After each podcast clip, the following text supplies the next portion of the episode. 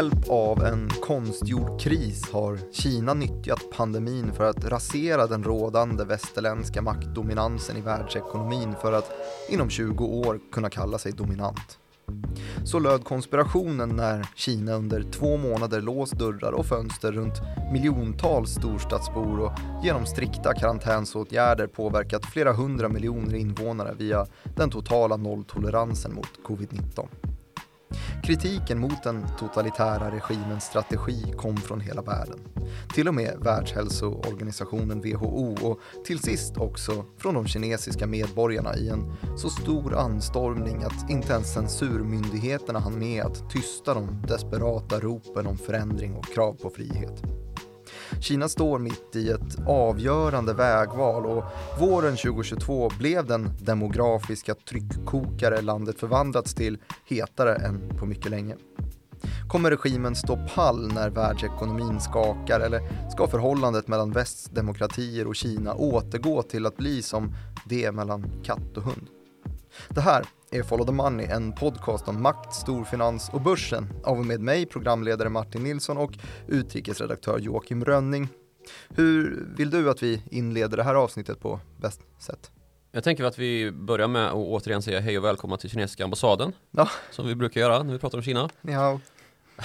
Och sen så ger vi en eh, sann berättelse om herrelösa hundar och katter i Shanghai. Ja, det är en finanspodd. Eh, ja, för att spela läget lite grann i stan när det kan vara som värst då. Mm, jag sa i Trading Direkt i morse att jag tyckte att det här var ganska underrapporterat. Ja, det tycker jag med. Du håller med? Ja. Mm. Det är ju så ofta med Kina, särskilt när det gäller sociala frågor, att det blir ganska underrapporterat för att man har så lite källor att gå på.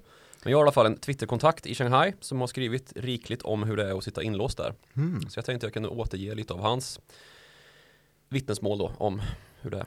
Varsågod. Han har alltså suttit inspärrad nu då i sin lägenhet i två månader mm. ungefär med sin familj och bor då i Shanghai som är den värst drabbade staden. Och det är också anmärkningsvärt att det är just Shanghai då som har blivit så drabbad för det är ju det finansiella centrat i Kina, det är den största staden, det är en stad med en väldigt stor befolkning som är att betrakta som medelklass. Och där det är lite liksom liberalare än vad det är i övriga Kina i stort och smått. Men i alla fall när han eh, beskriver då situationen i, eh, i Shanghai de senaste två månaderna så har det ju, det har ju blivit värre och värre. Mm. Det har ju gått då från i mitten på mars där när omikron tog greppet om Kina igen och eh, det gick ju ganska fort. Det behövdes inte så jättemånga fall innan regimen skulle börja slå ner på det här eftersom att man har sin nolltolerans då mot covid-spridning. Man har inte haft möjlighet att kontrollera det här med något annat än att just eh, hålla folk i karantän eftersom att då virusspridningen har varit snabbare än vad man har kunnat kabla ut vaccin till folk har varit. Och man har helt enkelt inte nått upp i den grad av flockimmunitet och sådär heller ju eftersom att karantänerna har ju inte bidragit med det överhuvudtaget utan bara hållit folk undan smittan men inte fått viruset att avstanna på något annat vis. Och då dessutom när viruset har varit ute och härjat i övriga världen och kommit på sätt att undvika de vaccintyper som har utvecklats i Kina då via Sinovac så har ju de blivit klart mindre effektfulla och um, då blir det ju svårare för Kina att uh, i det här läget då komma med något annat än just fortsätta med sina nolltoleranser och köra hard lockdown. Vad, vad är reflektionerna från Twitterkontakten då? då? Mm. Han skriver då att uh, han brukar när det är fint väder på kvällarna sätta sig på sin balkong och um, ja, ta in den här märkliga atmosfären då där han bor i Shanghai som är det är ett ganska så livligt område vanligtvis. Man hör alltid något och någon uh, oavsett vilken tid på dygnet det är. Det flyger flygplan, det cyklas, det åker bilar och uh, mopeder på gatorna och folk pratar och det, det, finns helt enkelt liv och rörelse dygnet runt. Men nu då så är det ju tvärtyst när han sitter där på kvällarna. Mm. Förutom att det finns uh, ljud från fotsteg och de här rymddräkterna som ja, polisen som går ner på gatan då. Just det, de har man sett ja. De, de lite tjockare Starship Troopers. Ja, precis. Hazmat Suits heter det ju. Det står mm. för uh, Hazardous Material Suits. Ni vet ju hur de ser ut med ja, rymdgubbe-dräkterna. Mm. Um, så hörs också ljudet av husdjur nere på gatorna. Mm. För då är det så att en viktig statusmarkör i Shanghai och andra medelklass-communities i Kina det är att ha ett eller flera husdjur, framförallt hund och nu då när folk inte har kunnat gå ut och rasta hundarna så um, har många helt enkelt valt att släppa ut dem. Så att de kan uh, uträtta sina behov och så vidare utan att det ställer till det med hygienen i hushållet. Så uh, man har låtit dem löpa fria helt enkelt och inte så sällan då inom det område där man bor. Alltså det är ju en sån community lockdown så att bostadsområden som sitter ihop där så får man i vissa fall gå ner på innergården så länge det inte är spridning och man håller helt enkelt den här eventuella spridningen då inom detta community och så, så fort det bryter ut så kan man köra en lite mer intensiv isolering i området och i de fall där det behövs också skjutsa iväg folk till sådana här karantänsläger i princip. Mm. Och det innebär ju också då att när folk eh, skjutsas iväg till sådana riktiga karantäner, alltså isolering, då, då släpper man ju definitivt ut hundarna för att uh, inte de ska behöva gå och svälta inne på inne i den lägenhet man ju lämnar då. Och problemet då med att utfodra de här som ju man kan tänka sig går att göra då ändå om det är en innergård där folk kan kasta ner lite mat till hundarna och katterna och sådär som, eh, som ju löper fria där i den här omgivningen även vanligtvis att man har liksom en kollektiv tillsyn av eh, områdets katter. Det kan ju vara flera hundra som, som bor i ett sånt här community och eh, det sker någon, någon sorts utfodring ett par gånger om dagen när enskilda helt enkelt eh, gör slag i saken och går ner och matar katterna. Alltså det är ett kollektiv av katter som bor där ja, sedan innan bara precis, och sen som man ja. kastat ut massa hundar. Ja, jättebra, eller hur? Mm. Det här har tydligen funkat då eh, utanför Twittervittnets bostad. Katterna har kört sitt race och hundarna har kört sitt race och hållit sig på varsin sida. Men ju längre tiden har gått då, desto mer kritiskt har det blivit i att utfodra de här djuren då som springer omkring nere på innergården. Och det har bestått då i att livsmedelsförsörjningen för människor har ju sviktat. Det har ju rapporterats en del också från liknande vittnesmål då om att det är väldigt svårt att få hem leveranserna då som folk i sådana här dylika hazmat suits kommer och levererar utanför dörren. Och att försörjningen helt enkelt prioriteras då för människomat snarare än djurmat. Så det har varit väldigt svårt att få tag i framförallt kattmat. Mm. Men även hundmat då var det led. Och det har ju lett till att när Twitter vittnet då sitter där på sin balkong så, så har ju den här ljudbilden som man pratar om med rymddräkter och poliskängor också tillförts ljudet av skrikande katter som ju då slåss om den eventuella mat som finns och mm, eventuellt blir mat antar jag. Precis, det är ju det som har blivit då den yttersta konsekvensen av det här att eh, när hundarna till sist inte fick någon mat alls så var ju katterna där som en potentiell födokälla och då blev ju inte de här kattskriken desto mindre. Så han eh, avslutar då den här scenen där han sitter på sin balkong en, en kväll med de här plötsliga avbrotten i tystnaden då är ju ytterligt slående att just den här delen av Shanghai då som aldrig har varit tyst någonsin alla timmar av dygnet har varit liksom den här frodiga innerstadsljudbilden av vad det är att bo i Shanghai till att det har varit fullständigt tyst och nu är det dessutom då de här skärande ljuden av djur som skriker i skräck. Katter och hundar som käkar upp varann. Starka ord från diktaren i diktaturen. Ja, rik prosa måste man ju säga om en förfärlig händelseutveckling ju. Och det som har gjort att det har blivit så här är alltså då de, de karantäner som har införts av staten efter det att omikron fick um, något paradoxalt då Kina att stänga ner ånyo när spridningstalen blev lika stora som de var då i mars 2020 nära på. Wuhan ska man ju veta som covid-19 började i eller som fick sin första spridning i alla fall. Det är ju en mindre stad än vad Shanghai är. Shanghai är nästan 30 miljoner va? Ja, det ligger där någonstans 25-30 miljoner och i Wuhan så är det inte ens hälften av det så då resonerade ju staten då att här måste vi ju agera snabbt och distinkt och det gjorde man också Liksom man gjorde sen när det började spridas i Peking ju.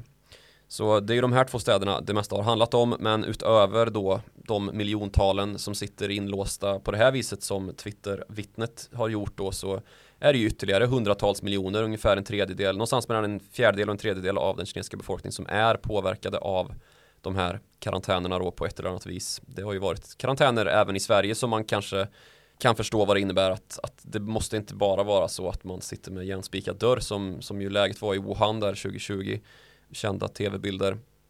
Utan att det också kan handla då om att man helt enkelt har svårare att ta sig ut. Det är tider för att gå och handla som gäller. Man får bara gå till jobbet om man har en viss position alltså jobba för en samhällsviktig verksamhet och sådär. Så den typen av restriktioner då som införts över Kina som har drabbat hundratals miljoner. Men de här riktigt hårda restriktionerna de gäller ju för storstäderna och särskilt då vissa områden med tät befolkning och sådär i de största städerna. Ja, men det kanske är nu då, mitten av 2022, som man skulle kunna konstatera att Kinas strategi inte är så pass effektiv som man tyckte där i början av 2020 när ja, men Sverige är väl extremexemplet i andra änden, att man var väldigt lösa med restriktioner och knappt hade några alls, medan Kina då spikade igen dörrar istället för att försöka få ner dödstalen och enligt statistiken som de släppte ut, den kanske också är lite kritiserad, så verkar det ha funkat ganska bra. Jag kan tänka mig att det kan dra ner dödstalen covid men kanske dra upp dödstalen på djur och andra dödsorsaker som svält i de värsta fall. Mm. Sen så finns det ju också då en, det är ju det är en annan situation i Kina nu än vad det var för vår del när pandemin kom som man kanske ska liksom lägga lite vikt vid. Nu finns det ju vaccin liksom och att Kina inte har lika effektiva vaccin och inte har lyckats rulla ut vaccin lika snabbt som, som västvärlden har gjort i de flesta fall är ju också någonting som tillhör den här bilden av hur man helt enkelt har valt nolltolerans och karantänsättning. Och kritiken gör ju gällande då att man just har valt alldeles för tidigt och gått alldeles för hårt på en och samma linje då. Att det är klassisk diktatur liksom. Att vi har bestämt att det är så här vi ska göra och då gör vi så. Det finns inget utrymme för att ändra sig, inget utrymme för att komma på nya idéer och kanske liksom moderera efter tid då att okej, okay, strategin var bra där i början men nu finns det andra åtgärdspaket att överväga här. Och nu har det ju gått så långt då att det finns studier på att om Kina skulle slopa den här nolltoleransen mot covid-spridning så skulle 112 miljoner kineser smittas varav 5,1 miljoner skulle behöva läggas in på sjukhus och därmed överväldiga vården och att 1,6 miljoner skulle avlida. Och det är enligt en studie som publicerats av tidskriften Nature Medicine som är genomförd vid Fudan-universitetet i Shanghai och den har då referensgranskats inför publiceringen så den kan man väl ändå lita på. Och den är då gjord mot antagandet att den här virusvarianten omikron skulle spridas fritt och att normal rörlighet skulle återinföras då. Helt enkelt att policyförändringen skulle vara total här. Och det är ju nästan som att den här strategiomvälvningen då är omöjlig idag eftersom att man har så låg immunitet och det är helt enkelt, det skriver man ju själva här i studien då att, att vi har inte sjukvårdskapacitet för att det här ska vara acceptabelt. 1,6 miljoner döda med en peak någonstans i sommar här. Det har helt enkelt inte regimen råd med anser man. Så det kanske är rätt strategi ändå? Ja, alltså på ett helt inverterat sätt så kanske det är det eftersom att man då inte har kört på tillräckligt hårt med vaccineringen och dessutom inte, det har vi pratat om tidigare, haft tillgång till de här extremt framgångsrika mRNA-vaccinen som Pfizer, BioNTech och eh, Moderna har forskat fram och som har ju bidragit i stort till att vi har fått upp immuniteten tillräckligt här i västvärlden och kan andas nu liksom. Den tekniken har man ju inte haft tillgång till i Kina och det har ju dessutom gått så långt då att Världshälsoorganisationens generaldirektör Tedros Adhanom Ghebreyesus har ju varit och vädjat till Kina. Han, har, han var ju väldigt kritiserad i början av pandemin att han var alldeles för mjuk mot Kina då och inte vädjade till dem att tänka om i tillräckligt stor utsträckning utan att det här liksom rent människorättsvidriga spika in folkbeteendet lät liksom bli konsensus över hur Kina hanterade pandemin stenhårt liksom på ett plan som ju inte går att kalla för något annat än totalitärt. Han har nu alltså vädjat till Kina om att tänka om eh, sent om sidor. Och hans utgångspunkt då är att landets ekonomiska kostnader från virushanteringen kommer bli större än de som räknas i människoliv. Så att det är helt enkelt inte acceptabelt längre. Pandemins hantering börjar också kosta människoliv. Mm. Att folk svälter i sina lägenheter och att dessutom den psykologiska och sociala effekten av den här nedstängningen har varit alldeles för hög då. Mm, nu börjar de här ropen även skalla över eh, bolagen på Stockholmsbörsen. Det är ju nästan i, i varje kvartalsrapport nu, vi är ju precis i, i, slutet av någon form av rapportsäsong här för Q1, så syns det ju den komponentbrist som eh, en av de vanligaste orden nästan. Ja. Nibe rapporterade idag och, och lyfter det som en oro för framtiden. Ja, så det är fler än hundarna som är hungriga. Det är fler än hundarna som är hungriga och störningarna drabbar ju liksom en redan hårt inflationsprövad världsekonomi också. Och det är ju störningar i leveranser från tillverkningslandet Kina liksom. Fabrikerna i Kina står still och hamnar går på lågvarv så det går inte att få ut grejer heller. Alltså klassiska flaskhalsen i leverantörskedjan är förlängd helt enkelt. Mm. Och dessutom så saknas det ju efterfrågan också då. Efterfrågan skärs ju av kraftigt när vi har den här nedstängningseffekten då som vi såg i hela världsekonomin ju. Men nu sker ju den i en ekonomi som redan är ganska hårt prövad. Det var det ju inte från allra första början. Då blev ju effekten stenhård men nu krävs det desto mindre för att det ska bli en stenhård effekt eftersom att det redan är så mycket effekter som vilar i ekonomin som är problematiska från första början då. Och vi fick ju lite makrosiffror ifrån Kina här tidigt i veckan. Bland annat att den kinesiska detaljhandeln var ner med 11,1% i april på årsbasis då jämfört med april förra året. Och där hade man alltså väntat sig att detaljhandeln skulle vara ner med drygt 5%. Så alltså en mer än dubbelt så stor försvagning som väntat då om man tittar på analytikerkonsensus. Och detsamma gällde för industriproduktion som sjönk med 3% jämfört med då han hade väntat sig en ökning med 0,4%. Så det är kraftiga effekter som det här redan har fått. Och att man nu då ska öppna staden igen den 1 juni det hjälper inte så jättemycket för att liksom lätta de effekter som vi kommer se de kommande månaderna här nu. För inflationen vet vi är lite trög. Det går inte liksom alltid att se den från första början. När själva händelsen inträffar, då blir det en förväntansbild som sen sprider sig då in i den faktiska realekonomin genom leverantörskedjorna som löper på i sin takt eh, och den allt trögare takt då. Så rätt vad det är så behöver någon centralbankschef gå ut i Hallands radio och berätta att man måste höja räntan. Nu får du förklara varför du sa det där nu. ja, just det. Ja, men det var lite kritiserat här när Stefan Ingves plötsligt vände och blev mer hökaktig. Man brukar snacka duvaktig eller hökaktig. Duvaktig är att man vill eh, stimulera ekonomin lite mer, vara lite expansiv i sin penningpolitik, skjuta räntehöjningar framför sig. Hökaktig åt andra hållet, att man är lite stramare mot ekonomin än tidigare.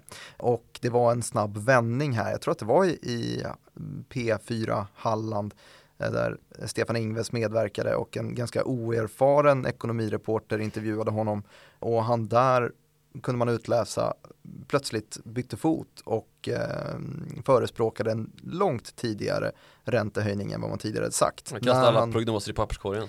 Ja exakt, för prognoserna som då låg ute som då fick glida ner i papperskorgen de sa räntehöjning andra halvan 2023 tror jag att det var. Eh, men eh, en månad senare så höjde han räntan vid aprilmötet här som vi alla är ganska eh, medvetna om. Eh, när inflationen då stod i drygt 6% och det gör den ju på senaste noteringen också för april. Men hur låter det här från, från Twittervittnet då? Är det något, kommer han gå ut och sära på hunden och katten? Uh, ja, det, nu har man tydligen då det senaste, den senaste uppdateringen från hans håll då det är att man får vara nere på innergården ordentligt. Så nu verkar det vara lite tryggare uh, och man har väl därigenom också kunnat ta in hundarna då kan man ju anta. Men om man tittar utanför hans lilla bubbla då av karantän så har ju hela Shanghai varit ganska så hårt drabbat av den här karantänen och att det har lett till en folkstorm som inte ens censurmyndigheterna har varit tillräckligt kapabla för att stoppa.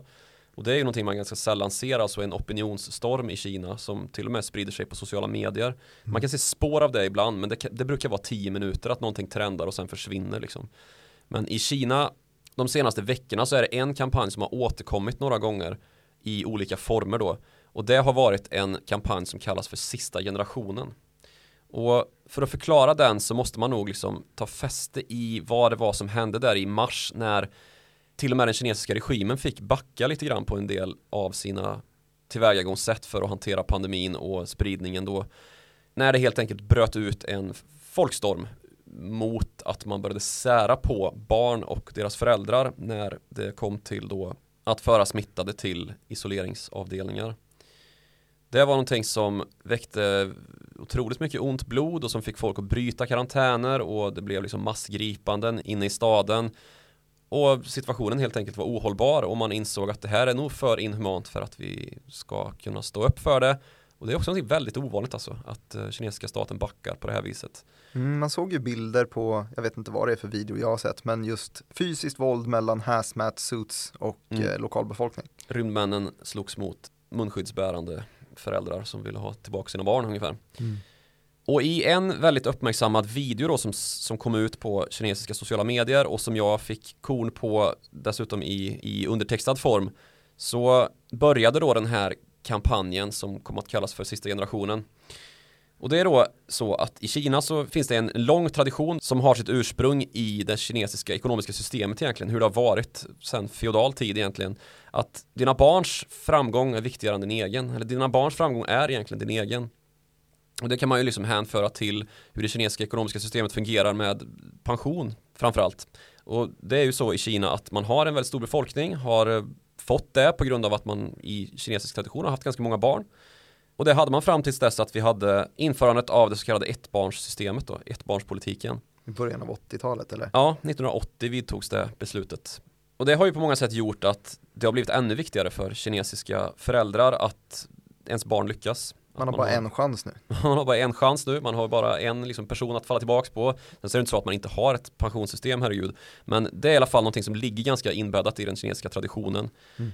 Och det som kom att bli omtalat då var när en, en, familj i Shanghai vägrade att bli medtagna till ett sånt här statligt karantänscenter under vecka 6 in på, på nedlåsningen. Och det var då alltså i slutet på april när en konstapel stormar in i det här hemmet då där den här Shanghai-familjen bor.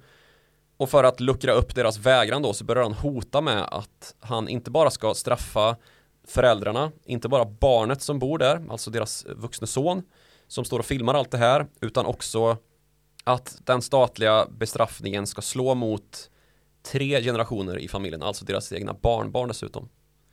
Som inte finns än. Men vad som inträffar är då att när den här rymdmannalike poliskonstapeln står och pekar med sitt finger mot kameran där sonen står och filmar så svarar han Jag är den sista generationen. Han menar då att det inte blir några barnbarn. Precis, han menar att det blir inga barnbarn här. Och så tar videon slut och det liksom framgår inte hur det har gått för familjen. Men den här spred sig ju som en löpeld på kinesiska sociala medier och fick fäste då hos unga kineser som är trötta på att det plötsligt har uppstått en jättestor press på unga kineser att skaffa barn. Från då att de själva har varit uppväxta i ett samhälle där det har varit förbjudet. Man får inte ha mer än ett barn. Så är det nu plötsligt ens allra viktigaste plikt då att man ska ha minst två då. Just det, för att sedan 2015-16 någonstans så avvecklas den klassiska ettbarnspolitiken och det blir istället tvåbarnspolitik och sen så för bara något år sedan va? Ja precis, 2015, 2016 någonstans där så avvecklas ettbarnspolitiken och sen så har då den här ytterligare uppluckringen skett det senaste året, eller de senaste åren är det väl kanske, som man har gått då mot att det kommer vara tillåtet att även skaffa tre barn. Just det, och anledningen till att man ganska snabbt går från ettbarnspolitik till två och nu trebarnspolitik är väl då att man kollar på den här demografiska transitionen och ser att det finns otroligt många som är i ja, men närmar sig pensionsålder och vilka ja. ska stödja de här då? Mm. Ja, det är den här upp och nervända befolkningspyramiden liksom. Att det brukar ju vara många i botten, alltså många nyfödda och väldigt få där uppe eftersom att man dör av när man blir gammal. Men här har det blivit tvärtom då istället för att man har gått från en, ett samhälle där man har skaffat ganska många barn, det har varit pensionsförsäkringen, till att istället då införs ett, ett, en skarp gräns. Vilket ju leder till att det föds färre barn och befolkningstillväxten stannar av och så har man ett problem då uppskjutet till nästa generation som ska behöva ta hand om de gamla helt enkelt. Deras pensionssystem är ju ingenting som de har sparat ihop till utan det är ju liksom som en garanti som samhället ska betala ut efter tid då. Och när det inte finns tillräckligt höga inkomster i samhället, alltså tillräckligt mycket produktion och intäkter helt enkelt så blir det svårt då att se att det ska gå att försörja på det här viset. Så hur, hur tolkades den här eh, utropet med jag är den sista generationen? Ja men det är ju då alltså att Kina har en kultur nu där man på ett privat plan inte är så sugen på att skaffa de här barnen som kinesiska staten uppmanar till. Eftersom att man själv då är uppväxt i en kontext där liksom det statliga trycket mot att skaffa barn har varit kraftigt negativt. Om man är född då efter 1980 så har det ju varit på det viset att ja, app, app, inte liksom för mycket sociala skyddsnät och psykologiskt och emotionellt stöd till barn och föräldrar i fertil ålder i, i princip vad det handlar om. Och det här är ju någonting man kan se på liksom utvecklingen också, förstå varför det blev en så kraftig reaktion då om man tittar på till exempel hur statistiken för nyingångna äktenskap ser ut. Alltså under 2021 så var det 7,6 miljoner kinesiska par som registrerade sig för äktenskap då. Det är 44 procent lägre än 2013. Och det lägsta på 36 år i Kina. Och på samma tid så har då födslotalen sjunkit till 7,5 per tusen personer i Kina. Och det är då rekordlågt under hela tiden som kinesiska kommunistpartiet har suttit vid makten i, i Peking. Och det finns en politisk vilja då att man inte vill sätta barn till världen i den här totalitära staten. Ja, och nio provinser till och med eh, registrerar då negativ befolkningsutveckling, alltså att det blir färre. Så det har ju uppenbarligen blivit lite för tvära kast här och det här oroar ju naturligtvis kinesiska regimen. I flera decennier då så har man haft den här enbarnspolitiken där man har liksom tvingat miljontals kvinnor att abortera foster som man liksom har sagt nej, det här är en olaglig graviditet som inte staten tillåter. Och sen så kom verkligheten ikapp då när demografin började se lite för knackig ut och det blev dags att skrota den här enbarnspolitiken då. Och nu fick det här röst genom eh... Ja, nu kommer nästa steg då i smällen här att det följde ju visst en tradition här som man ju nästan kan kalla det när man tittar på hur responsen blev på den här sista generationen videon då som publicerades.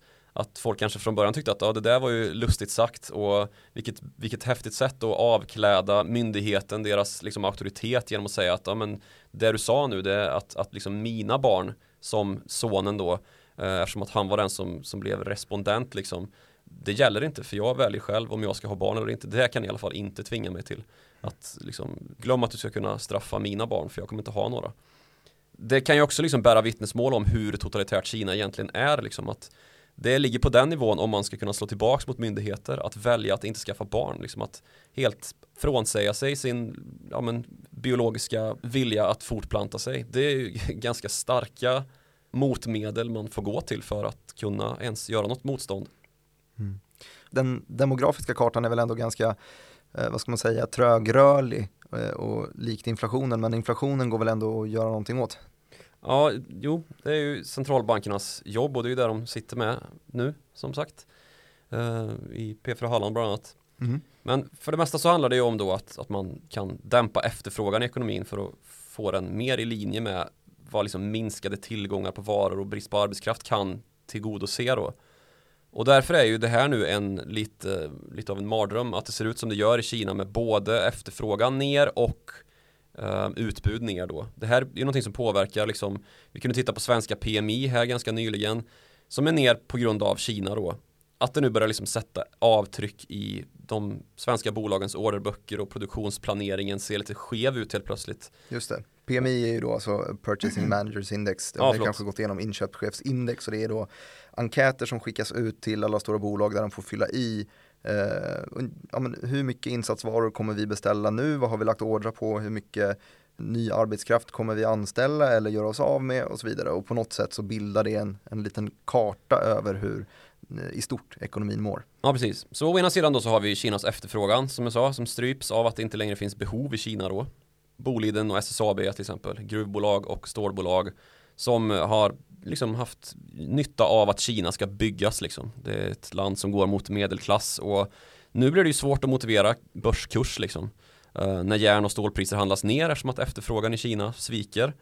Å andra sidan så har vi utbudsproblemet då. Bolag som hämtar produktion i Kina. Det kan ju vara allt från liksom konsumentvarubolag, uh, hemelektronikbolag, detaljhandel. Ja, här har vi ju Nibe som rapporterar Nibe till exempel, ja. Electrolux. Ja, visst. Claes Olsson, jag vet inte. Just det, så här blir det då alltså två stycken led i de här komponentbristen. Mm. Dels att eh, Nibe inte får sina insatsvaror till värmepumparna, men också att de som skapar komponenterna i kanske Shanghai behöver inte sina insatsvaror från Boliden. Nej, precis. Och här är då centralbankernas jobb att liksom för det mesta så är det ju ganska enkelt att bara säga att äh, vi dämpar efterfrågan och som sagt får den i linje då med vad utbudet kan tillgodose. Men problemet blir ju då om vi också har ett problem med efterfrågan i sig. För som sagt, om man dämpar efterfrågan och därmed får ner inflationen så måste det ju ske på villkoret då att utbudet är ganska intakt liksom. Nu har vi ett utbud som också är ner. Så problemet här blir ju att även om du tar ner efterfrågan ytterligare då så hjälper inte det när, när efterfrågan liksom lever sitt eget liv utifrån då att det är ett samhälle som är världens största som helt enkelt har bestämt sig för att nej, men vårt utbud kommer inte prioriteras liksom. Vi ska ha lockdowns nu för att vi har karantän för att komma åt den här virusspridningen i våra storstäder. Just det, och då ställer sig då centralbankerna inför det här klassiska mardrömsvalsscenariot att mm Antingen så bekämpar vi inflationen mm. eh, som då är utbudsdriven eller så stimulerar vi efterfrågesidan för att komma ikapp och då står vi alltså och väljer mellan inflation eller recession. Ja, precis. Så här möter man ju helt plötsligt då stigande inflation och avtagande tillväxt och kan inte göra något åt det. Det är ju där vi ser ut att vara just nu. Och då fick vi Jeopardy-svaret på vad är stagflation? Ja, precis. Då kan det ju krävas då att vi, att vi hittar ett annat sätt att lätta på pristrycket och det är ju genom att ja, försvaga ekonomin är ju det enda som finns kvar då. Mm. Och när man försvagar ekonomin så, så går ju både utbud och efterfrågan ner då till slut. Och det var ju det man gjorde, det har vi snackat om tidigare någon gång också, i USA under 80-talet. Ja, stopp ett tag. Jag tänkte vi skulle komma dit. Men först vill jag säga att man kan ju ställa sig frågan då, har de redan tappat kontrollen här, centralbankerna? Och det går faktiskt att argumentera för det. Mm. De här nedstängningarna i Kina, de kommer ju ha en skadlig effekt vare sig det liksom löser sig inom en vecka eller om det dröjer flera år. Ehm, och anledningen är ju att inflationen som kommer påverkas antingen genom att varupriserna skjuts iväg av att de här leverantörskedjestörningarna blir ytterligare förlängda eller då genom att ekonomin öppnar och till exempel råoljepriset skickas iväg ytterligare. För det är ju också en effekt då, vi ligger på en jättehög nivå i råoljepriserna, energipriserna är ju gigantiska i ekonomin, en jättesvår effekt just nu. Och om nu Kina ska återstarta från den nivå där man är nu då, så kommer ju det leda till ytterligare efterfrågan på olja. Utbudet är inte större för Kina är ju inte ett producerande land i särskilt stor utsträckning i alla fall, utan världens största oljeimportör. Så då blir det ökad efterfrågan där också och då har vi ju den här Äntligen får Goldman Sachs rätt. Ja, det är nog risk för det. Nu får du förklara vad det är också. Mm, slänga ur dig sådana där eh, nörd nördreferenser. Ja, det har varit mycket sånt idag. Jo men det är den här klassiska analysen som Goldman Sachs släppte på piken av finanskrisen. Precis innan allting föll så skickade de ut en analys att oljan ska upp till 200. Den Oil stod 200. väl i 140 då kanske eller någonting mm. Eh, och det var toppnoteringen. Mm. Men i alla fall, faktumet liksom att våra ekonomier är så beroende av beslut som fattas i Kina av Kinas kommunistiska parti visar ju lite grann kanske hur svag kontroll våra centralbanker och politiker just nu har över vår ekonomis framtid. Det är ju lite den det fröet till tanke som i alla fall har lett till att vi har den här konspirationsteorin om varför Kina har sin nolltolerans mot covid. Så mot den och, kinesiska draken så spelar det ingen roll hur många gånger Stefan Ingves åker till P4 Halland. Det gör det inte. Uh, och om man ska ytterligare låta den, det fröet då slå rot, vilket vi inte ska, så är det ju också då att pandemin är ju skapad av Kina. Det är ju, det är ju så att man bara gör sitt allra bästa här för att som sades i introt få västvärlden på fall och helt enkelt ta över kronan som världens ekonomiska stormakt. Just det, där är konspirationen då helt enkelt mm. att man försöker försvaga resten av världen. Precis, men om vi återgår då till centralbankerna då så Ja, du stoppade ju mig på Paul Volcker. Ja, precis. Jag tänkte vi skulle gräva lite där vi står nu då. Så tekniskt sett, om vi tittar på vad Federal Reserve gör just nu, amerikanska centralbanken som ju är centralbanken man tittar på för att se vart allt är på väg. Mm. Så är det ju tekniskt sett fortfarande expansion.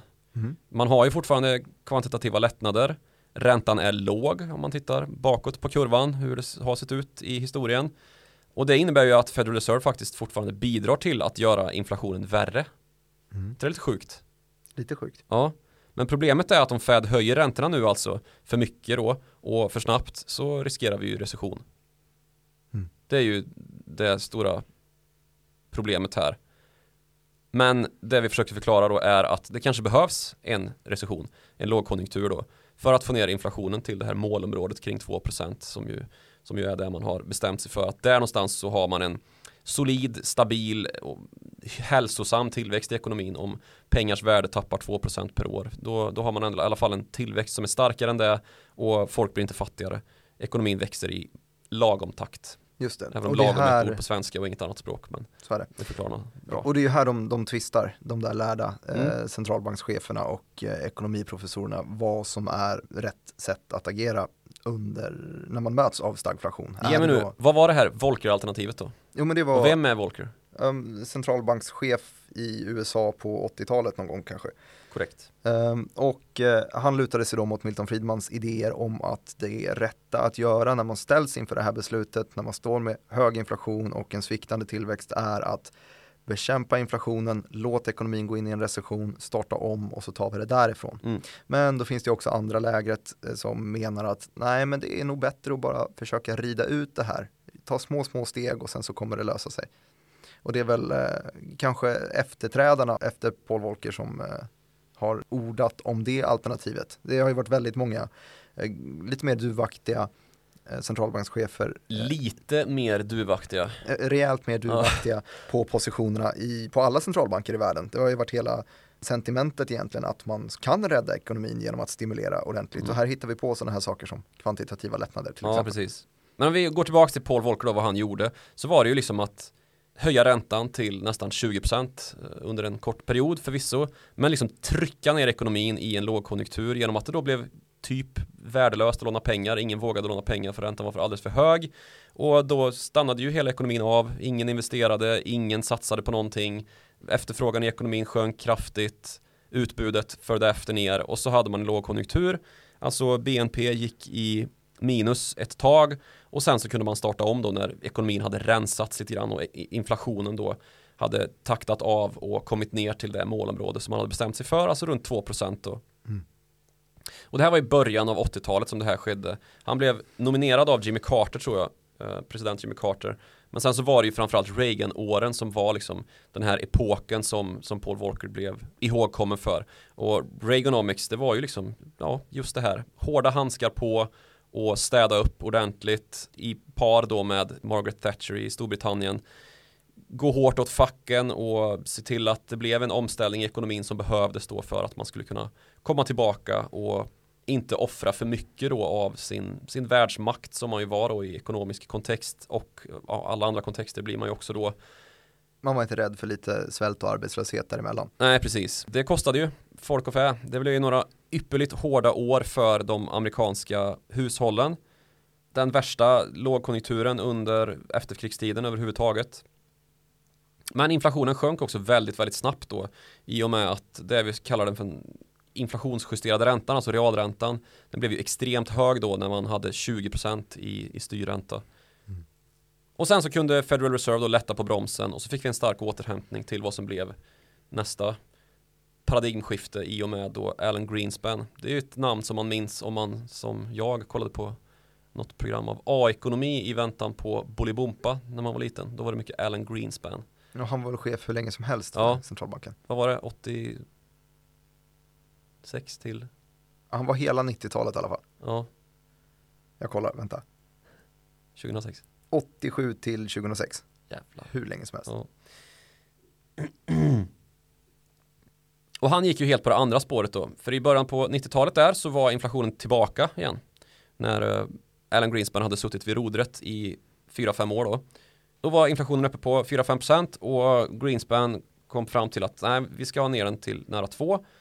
Och då förde han då en politik som han kallade för opportunistisk desinflation. För han var inte intresserad av att göra som, som Volcker och orsaka en till förödande för hushållen sett då lågkonjunktur utan istället hitta någon annan väg att gå. Och den här opportunistiska desinflationen då det innebar att man helt enkelt inte drog i bromsen. Man höjde inte räntan utan väntade istället då på att ekonomin på naturlig väg skulle sakta in och se vad liksom, om det fanns några faktorer som produktivitet som kunde sänka inflationen.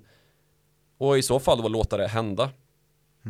Alltså att man fick till då produktivitetsförbättringar i ekonomin, automation och sånt här till exempel. Som ju började bli på modet där i, eh, på 90-talet när digitaliseringen växte fram. Och den här opportunistiska sänkningen av inflationen då som blev konsekvensen av det visade sig vara ganska framgångsrik då. På grund av dessutom då en kombination med ehm, globalisering som också ledde till att det blev ett minskat kostnadstryck i ekonomin. Alltså det blev billigare att producera varor genom då att man förde ut produktionen på andra länder från höginkomstländerna som USA och Europa flyttade den till Kina, Vietnam, andra länder som hade billigare arbetskraft. Saker blev billigare ja. och det var desinflationistiskt. Och det, är, det är ju liksom ett tillvägagångssätt som kräver mer tålamod. Man vet inte riktigt när liksom möjligheten kan komma för den här naturliga desinflationen då, men den kom till slut. Och det blev han jäkligt kritiserad för. Ja, det blev han ju väldigt kritiserad för. Och dessutom då så följdes ju det här upp med att man avreglerade stora delar av finanssystemet. Och där har vi ju hela liksom uppbyggnaden till vad som kom att bli den stora krisen 2008 då. Uh, Just det, för det är den han har fått bära. Trots att han ja. slutade 2006 lärde vi oss precis så mm. um, var det han som la grunden till finanskrisen. Ja, Ben Bernanke tog ju över hans mantel kan man säga. Alltså den nästföljande centralbankschefen då. Som ju blev den som fick dels då ja, bära hundhuvudet och städa upp. Um, och det gjorde han ju med hjälp av att köra Alan Greenspan fast inte bara liksom inte bromsa utan också gasa ordentligt med de här kvantitativa lättnaderna, räntesänkningar till nada och inget och, och där är vi nu. Det är ju ett läge som vi har hamnat i efter ett startskott som sköts då av Alan Greenspan som då följdes upp av Ben Bernanke och sen bara har fortsatt egentligen. Med, mm, för medan Alan Greenspan höll på att eh, styra centralbanken under mellan 87 till 2006 så var ju Ben Bernanke istället i Japan som eh, eh, höll på att fightas mot ett par förlorade år här i ja, men är det millennieskiftet ungefär och släppte ut hans ganska kritiserade papper eh, Some Thoughts on Monetary Policy in Japan mm. som bygger då väldigt mycket på den här kvantitativa lättnaderna. Ett, ett eh, kontroversiellt experiment som han gärna skulle tillsätta och det fick han ju göra sen när han eh, 2009 kickade igång första QE-programmet efter finanskrisen. Vad är QE egentligen? Det här, vi har ju ett helt avsnitt om det här. Eh, Q är det... Jag tror att det är ganska dåligt ljud, dålig ljudkvalitet så nu kan du berätta hela det avsnittet. ja, QE, ska man förstå QE så ska man nog börja vid räntan istället. När man stimulerar ekonomin så sänker man räntan. När räntan var så pass låg att man inte riktigt kunde sänka den längre eh, så försökte man hitta andra alternativ för att stimulera ekonomin. Då vänder man sig till QE istället, det här kontroversiella verktyget där man utökar centralbankens balansräkning ungefär skapar pengar, köper de mest säkra värdepapperna i en ekonomi. Vilka är de mest säkra värdepapperna i en ekonomi? Ja men statsobligationer, alltså det är Pengar som staten tar in för att finansiera sin verksamhet. Just så. Mot skuldsedlar. Och så blir det då en trickle down effekt av det här att när man har köpt dem så blir det eh, investerare som annars skulle köpt dem som får hitta något annat papper att köpa. Mm, för att då, avkastningen på de här papperna blir ju lägre ju fler som vill köpa dem. Just så. Eh, och eh, det här sipprar då ner hela vägen genom, genom systemet från statsobligationer till kommunobligationer till säkra företagsobligationer till ner till aktiemarknad och småbolag och så småningom NFT-apor och så vidare. NFT-aporna, ja. Luna ja. finns det någon som heter också. Ja, det hette. Orkar inte göra ett avsnitt om det. Nej. Nej. Ponzi har vi gjort så många avsnitt om redan så att ja. ja. Pyramidspel alltså. Det är lite där det landar i det är alltså en stablecoin-marknad som har kollapsat här under våren och det har varit efterfrågat att vi ska göra ett avsnitt om det. Men eh, vi kan inte tekniken tillräckligt bra. Eller du menar orkar inte? jag, jag, kan inte lova att vi kommer göra något. Nej. Men kanske ändå, vi får se. Men hur hamnar vi här då i Kina? Vi snackade om Volker, Greenspan och sätt att mm. hantera ja, inflation. Man kan ju resonera lite då kring vad den här risken då som man har tryckt in i systemet där alla har flytt till högre riskkategorier. Alltså från statsobligationer till kommunobligationer till säkra företagsobligationer till SBB. Ja, aktiemarknaden och så vidare ut och till NFT-aporna. Den här risken den finns ju i ett system som är vår finansmarknad. Mm. Och på den finansmarknaden så finns det ganska mycket tillgångar just nu som är kinesiska. Och Kina är dessutom i form av en stor stat med en massa medborgare och företag. En väsentlig del av de som agerar i finansmarknaden ju. Runt det här globala finansiella systemet så har vi haft en pandemi som har utlöst en eh, massa beslut i världen där Kina gick på spåret nolltolerans. Och det skapade då en konstgjord kris utefter de beslut som fattades av staten som är en kommunistisk sådan där man inte har den liksom smidigheten att man kan ändra beslut, byta riktning och vara säker på att i värsta fall så får någon sparken för att den har gjort fel. Eh, utan det handlar snarare om då att om man väljer fel väg så kommer till slut staten att kollapsa eftersom att det är ett enpartivälde och det yttersta straffet är att folket helt enkelt börjar säga emot till skillnad då från en demokrati där sådana processer kommer av sig själva och det slutar med att Tegnell får ett toppjobb på WHO Tegnell får ett toppjobb på WHO eh, som han inte fick. Nej. Nej. um, precis. Och jag tycker man kan bli lite oroad då eh, utifrån den här demografiska kontexten och den stress som just nu åvilar då den kinesiska staten.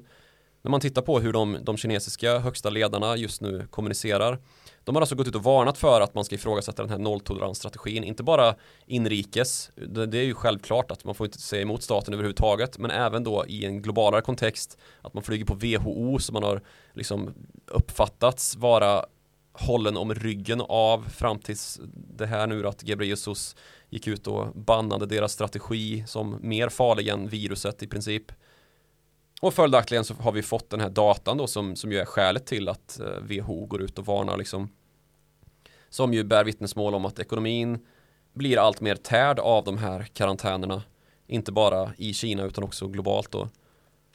Och då utgår det här dessutom från ett läge där de här restriktionerna som har införts i Shanghai och Peking bara bidrog ytterligare till redan existerande utmaningar då som politikerna i Kina står inför när de försöker stötta tillväxten i landet. För det här är ju då en händelsekedja som liksom har startat någonstans, alltså så att det blivit globala rubriker med Evergreen, det här fastighetsbolaget som som ju ja, var mer eller mindre konkursdugligt och ett gigantiskt bolag som hade gjort lite för stora finansiellt äventyrliga utsvävningar. Man har därefter varit ute och, och räddat aktiemarknaden med i princip en bailout, alltså att staten gick in och bara lovade att äh, men vi, kommer, vi kommer köpa aktier liksom, om det skulle behövas. Så att var inte rädda, vi kommer, vi kommer alltid finnas där. Och det är då premiärministern i Kina, Liu He, som har varit den som har gått i första ledet här och nu försöker liksom försäkra globala investerare om att Kinas finansmarknad den är att räkna med och vi kommer göra allt som krävs för att hindra kris och kaos här. Mm. Precis, det är också liksom en kan uppfattas som en ganska desperat åtgärd för att Kina ska rädda ansiktet. Det är ju det är någonstans det landar liksom när man har ett enpartivälde att du kan inte tappa ansiktet för då kanske du tappar allt. Och problemet för Liu He är att den här försäkran som han har gett till marknaden den har liksom inte lett till några direkta detaljerade uppföljningar om vad är det man ska göra egentligen? Och de kinesiska ledarnas liksom utrymme för att ändra penningpolitik och finanspolitik, vilket ju i Kina är i princip samma sak. Det liksom begränsas av oro för inflation och kapitalflykt när amerikanska räntor dessutom plötsligt stiger över vad Kinas räntor ligger på. Och det här indikerar ju då att Kina skulle vara ett säkrare land att investera i än vad USA är. Men det håller ju nog inte marknaden med om. Nej, vi har ju också bara för men, några månader sedan som man plötsligt med ena handen stängde av alla utbildningsföretag och konkade dem mm. och eh, Eh, slaktade hela gamingsektorn med en liten handvändning. Precis, hyperreglering, vad man brukar kalla för eh, sovereign risk när liksom en stat gör så stora ingripanden i en finansmarknad att det blir helt omöjligt att kalkylera risken i att göra investeringar i en sån marknad. Det är ju andra ofta diktaturer man landar i när man bör liksom räkna in en sovereign risk i kalkylmodellen då och den är ju väldigt väldigt svår för man vet ju aldrig. Det kan ju gå åt andra hållet också att det plötsligt liksom blir en total avreglering av en marknad och, och det blir liksom jättehås i en viss sektor då som ska liberaliseras. Som El Salvador med bitcoinet. ja, precis. Vad bra det gick. Men så den här liksom att, att de amerikanska räntorna nu plötsligt stiger över Kinas då, eller nära det. Då kan man ju fråga sig liksom, vad är anledningen överhuvudtaget att investera i Kina? Om man nu dessutom, ja, det blir svårt att motivera att lägga sina pengar i tillväxtmarknaden Kina om det inte är tillväxt där liksom. Det är ett mycket svagare system, mycket mer korrupt och som sagt en gigantisk sovereign risk jämfört med vad det är i stabila demokratier så har vi ju liksom svaret på varför det är problematiskt att titta på sådana här länder och bedöma deras finansiella villkor, deras liksom riskjusterade avkastningspotential och det vållar ju en kapitalflykt från Kina om det ska gå så långt. Så det, och det, det förklarar ju också då varför den kinesiska regeringen nu försöker liksom använda riktade monetära och finanspolitiska åtgärder för att stötta den tillväxt man har samtidigt som då inflationen och den finansiella risken och liksom valutadeprecieringen dämpas.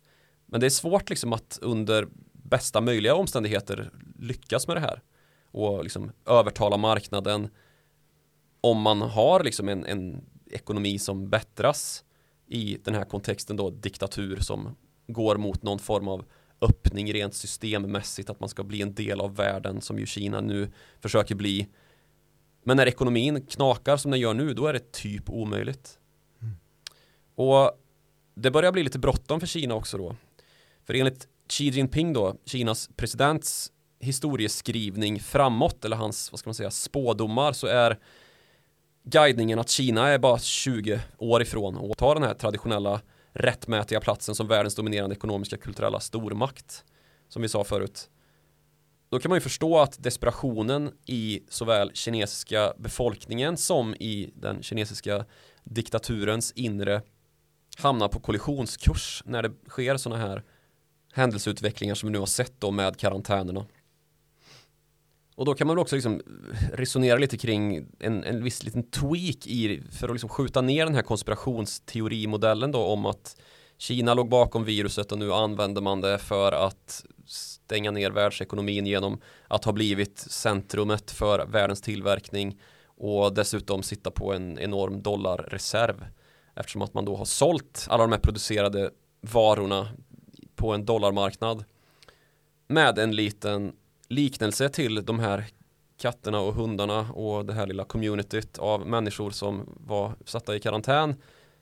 För vilka klarar sig bäst i genom sådana här kriser egentligen? Det kanske börjar klarna lite grann nu.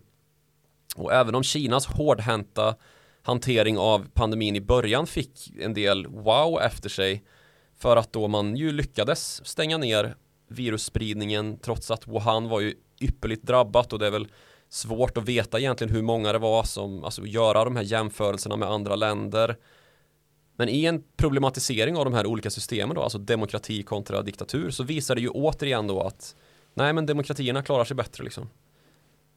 Separerade institutioner, olika beslutsfattare, möjlighet att utmäta ansvar på ett sätt som inte är möjligt i diktaturer är bra liksom. Och man kan byta fot. Det är inte så att bara för att vi har fattat ett beslut i grund och botten så kan vi inte gå åt ett annat håll för då upplevs vi som svaga och då kanske det blir revolution ungefär. Det är ju drastiskt kanske men det är ungefär det som är kärnan till att kinesiska staten nu liksom upplevs ha noll alternativ till nolltolerans och att det till slut börjar skada samhället mer än vad själva pandemin gör. Så hur tänker du kring din, din fabel om hunden och katten på innergården? Vem är vad? Jag tänker att eh, det vid en första anblick kanske är lätt att se det som att eh, Kina är hunden. Att man har blivit utsparkad lite grann i, eh, av världsekonomin som ju är communityn då. Och att man till slut måste börja äta grannkatt. Grannkatt ja, och att grannkatten, vem är det då? Jo, det är väl de mindre länderna i den här dynamiken som är världsekonomi då. Att... Nu får de lägga av med Tibet tycker jag.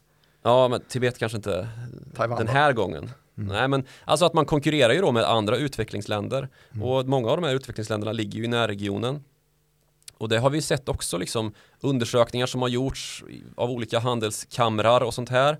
Alltså internationella organisationer som verkar för handel i andra länder då, eller med andra länder. Som nu konstaterar liksom att oj, det är nästan 25-30% av bolagen i en undersökning som, som tänker sluta investera i Kina eller liksom rikta om kapital då för att den här sovereign risk komponenten är alldeles för svår att plötsliga beslut som är okuvliga och inte går att liksom resonera med gör att våra affärer förstörs. Det är alldeles för riskfyllt.